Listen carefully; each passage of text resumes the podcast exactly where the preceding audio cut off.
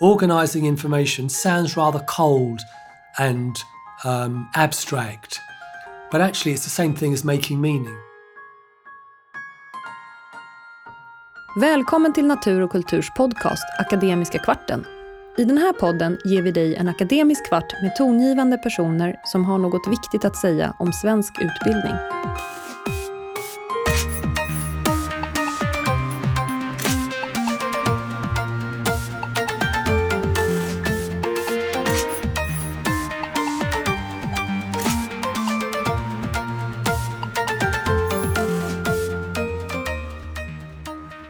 Jag heter Niklas Gårdfeldt Livi och är utgivningschef för pedagogisk litteratur på Natur och kultur. I det här avsnittet träffar jag Oliver Caviglioli, utbildningsdesigner och framstående illustratör.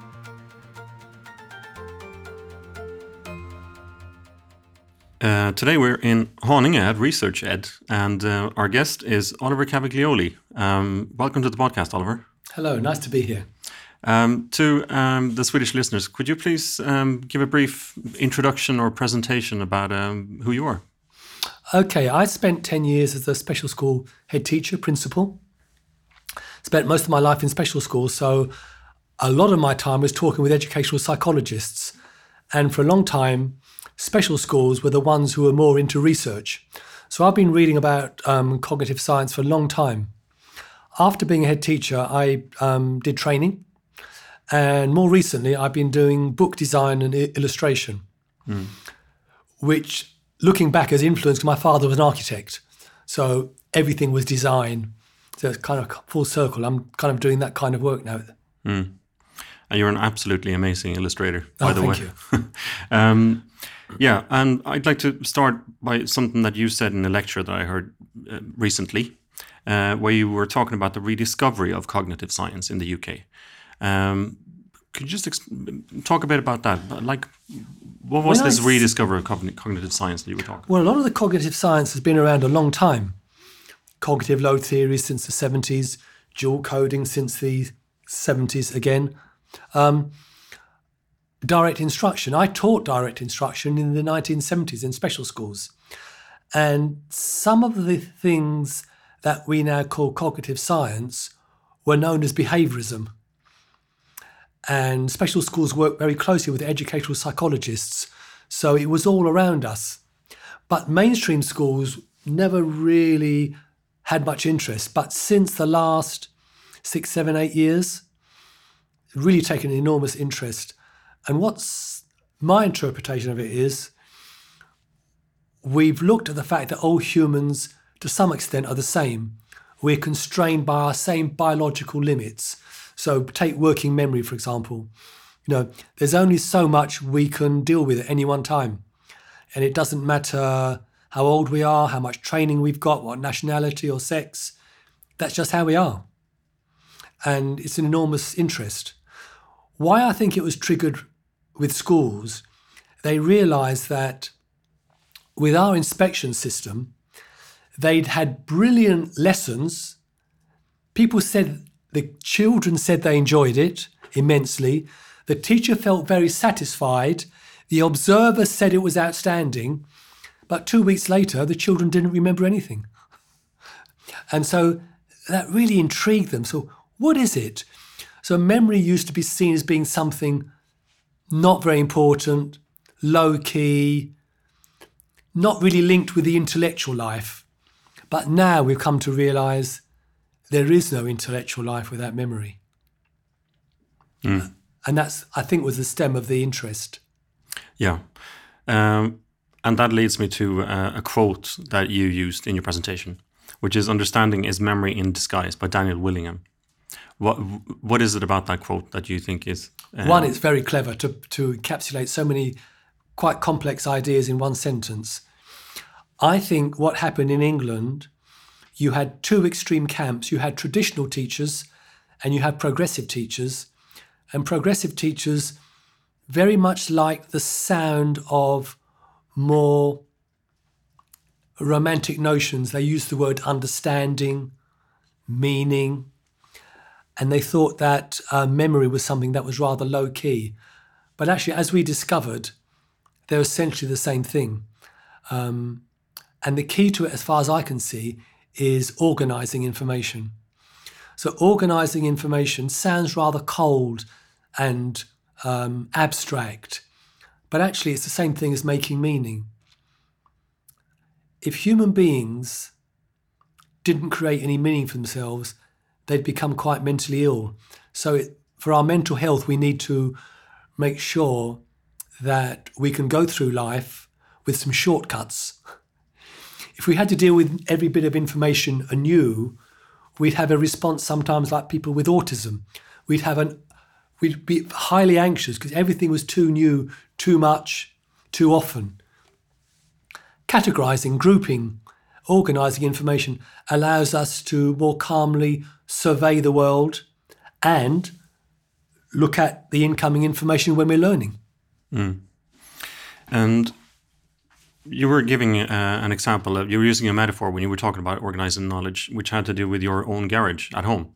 Yes. Um, yeah, and I'd like to make a, a detour to a Swedish children's book called mama Moo, uh, Mamma Moo, and it's a it's a cow and her friend Kråkan, which who, that's a crow, a crow, and uh, they're going to clean uh, the crow's house at one stage, and the crow does it by just throwing everything into the middle of the room Ah, because then he knows where everything is. And uh, I mean that's similar to the to the metaphor yes, that, yes. that you were using. But Yes. if could you unpack why you were using this metaphor and why it is actually a useful metaphor when it comes to thinking about knowledge and education and say a subject matter X? yeah. I want to talk about first of all an experience. Um, I used to sometimes teach children in different schools around the country because the schools were desperate; they weren't going to do well in the exams. So I taught them to organise things, and for some children, it seemed they couldn't quite understand what they were saying. Um, I remember one boy, and I got talking to him, and he says he went fishing. I said, right, well, you go fishing, you've got your rod, your chair, and you've got a big bag. And inside your bag, you've got um, worms and grubs and hooks and sandwiches, and they're all mixed up together. He goes, no, no. I keep the food away from the hooks. I keep the. Oh, right, so you organize things. Once he got that, he realized that everything in the world is organized. I mean, in our special school, we used to take children to the supermarket. And you can go to a supermarket and go for the first category is f- food, not food. Then in food, you go fresh food, not fresh food. And you keep going all the way down till you find that waxy lemon you were after. And then once you see that, garages and shops, everything's organized. Um, and parents automatically teach their children how to organize things when they come home from shopping. They unpack. They'll put the different types of food and a crockery away when they do the washing up. And no one finds that strange. It's normal, it's the world we live in. But you see, although the hands are doing the tidying up, the hands are doing what the brains tell them to. And so our brains are used to putting things together that go together in one place. There's a there's a phrase in England, a place for everything and everything in its place. And when you describe that to children, they can see that the same process when they're dealing with knowledge and facts that are coming in. So my story is my wife gives me the job at home domestically looking after the garage. And I used to get fed up. I, I just used to throw things in the garage. It was very easy. But I pay the penalty later on because I can't find anything. So I redecorated the garage and I put some shelves up. And my father was an architect, gave me some metal templates of letters. So almost as a joke, I put down shelf A, B, C, D, and along the bottom, 1 to 10. Just having that framework automatically, with no conscious effort, meant that one day my wife asked me where a certain thing was, and I said, ah, B7. So we can't help but organize everything in that particular way. And so, in the same way that I knew where the light bulbs were, children can access knowledge rapidly into their working memory when they're working on problems because it's, they know where to look for it. And the more you know where someone, some, the more you know where something is, the easier it is to find it. The more often you find it, the easier it is to find it. Till it's just so well established. It's just not a problem. Mm, Speaking about where to find something, I mean, I have no idea whether or not it's related to it, but I mean, there is some kind of a correlation between this maybe rediscovery of cognitive science or reuse of cognitive science and uh, the explosion when it comes to um, uh, information tech technology in the classrooms. And there's also talk about 21st century skills that you have eduquacks and, and a lot of influential people who are talking about the fact that knowledge is not important to store because you can always just find it and what they're not saying is that knowledge and information are not the same thing but that's a different discussion what i would be interested in is to hear what are your thoughts on, Well- on, on this particular uh, topic About 10 years ago, I remember hearing a story, reading a story of the head of the British Library. And she said that one of the problems younger students have with everything being a hyperlink is that it hasn't got a physical placement. She said she remembers as an undergraduate standing in the foyer of the library facing, she says, in front of her are books about this subject, to the left are books on that subject, and similarly to the right behind her and up above on the next floors. So knowledge was, to her, grounded, located in a three dimensional place. And knowing that, the physicality of it made it easier for her to make abstract connections. What I find really interesting is I read something recently in neuroscience which says that we have a cell near the hippocampus, and they're beginning to think that not only do we get cognitive maps of where we are, and we're the same as rats in mazes, we have a map of where we are. They're beginning to think that that's how we store memory too, as if it was a place and we can identify it, which is really interesting because it goes all the way back to the Greeks and the Romans, who, when they used to give speeches and they never wrote notes down, they remembered it because they had memory palaces.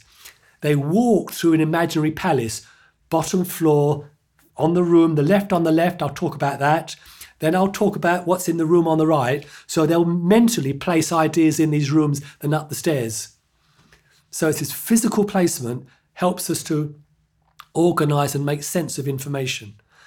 And when there's no physical boundaries or links, everything becomes abstract. And I think that weakens the sense of connection and understanding, makes it harder, makes it harder. interestingly I, that's how I, there are competitions memory competitions Yes. and that's how they uh, that's the most used uh, technique Yes. that they use that they actually envision a physical space Yes, and neurologically, we now seem to see that's that's why when we talk about visual skills, I try always to remember remind people it's actually visual spatial. So fundamentally, I think it's the spatial arrangement which helps us remember. So people without any sight can access a map with their hands, textured. But it's a lot more work. Visually, you can actually, it's available to you. It's a spatial ar- arrangement. There's a British philosopher of last century who said, when you see a diagram, the relationships of all the elements are obvious to you and available to you with one viewing. If you want to explain those relationships with words, he says you have to use complex syntax, grammar. The language is complicated. In fact, the language is often more complicated than the fact that you're trying to explain. So children can gain access to more complex knowledge if they're first of all shown it in diagrammatic visual format. Because it corresponds to their view of understanding the world. Hmm. Because they're used to things that belong together being physically close. that makes me think of your illustrations because they're Oh, they're really helpful when it comes to understanding your that's lecture. really useful. Thank you. Uh, we're actually out of time. Uh, Oliver Caviglioli, thank you very much for coming to the podcast. It's been an honor. Thank you very much.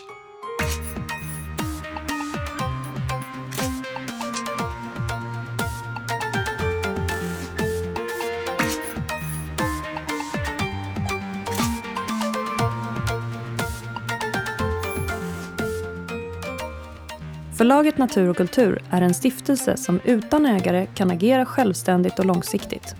Vårt mål är att genom stöd, inspiration, utbildning och bildning verka för tolerans, humanism och demokrati.